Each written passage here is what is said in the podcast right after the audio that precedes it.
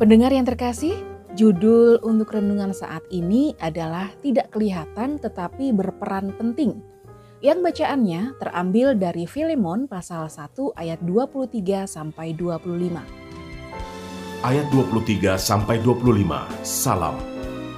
Salam kepadamu dari Epafras, temanku sepenjara karena Kristus Yesus, dan dari Markus, Aristarkus, Demas dan Lukas, teman-teman sekerjaku kasih karunia Tuhan Yesus Kristus menyertai roh kamu.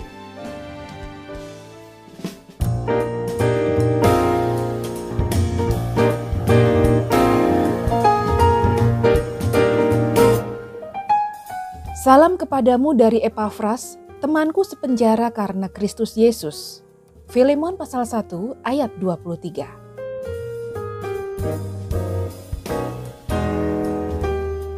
Pendengar yang dikasih Tuhan dalam satu tim, tidak semua anggota harus tampil di depan.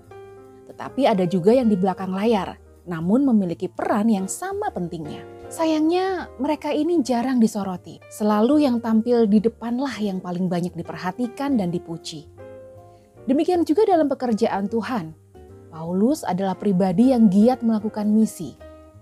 Ia juga mempunyai rekan kerja lain yang bernama Epafras Epafras bergabung dengan Paulus dalam pelayanan misi dan ia memiliki beban untuk mendoakan orang-orang percaya yang mengasihi dan dikasihi oleh Allah.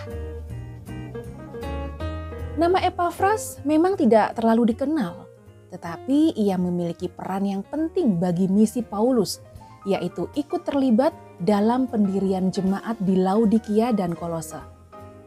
Pendengar yang dikasihi Tuhan, di zaman modern ini perkembangan gereja baik secara organis ataupun personal berkembang dengan pesat sejalan dengan perkembangan teknologi yang digunakan oleh gereja untuk menunjang jalannya ibadah dengan tujuan agar jemaat merasa nyaman sehingga bisa mendengar dan belajar firman Tuhan dengan baik.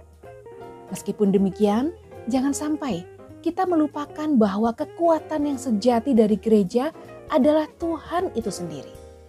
Tuhan tetap memiliki peran penting dalam perkembangan dan pertumbuhan gereja, meski keberadaannya tidak terlihat oleh mata jasmani kita.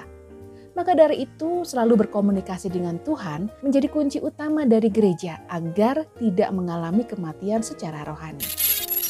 Dan setelah orang banyak itu disuruhnya pulang, Yesus naik ke atas bukit untuk berdoa seorang diri.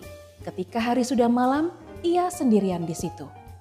Matius pasal 14 ayat 23. Tuhan Yesus memberkati.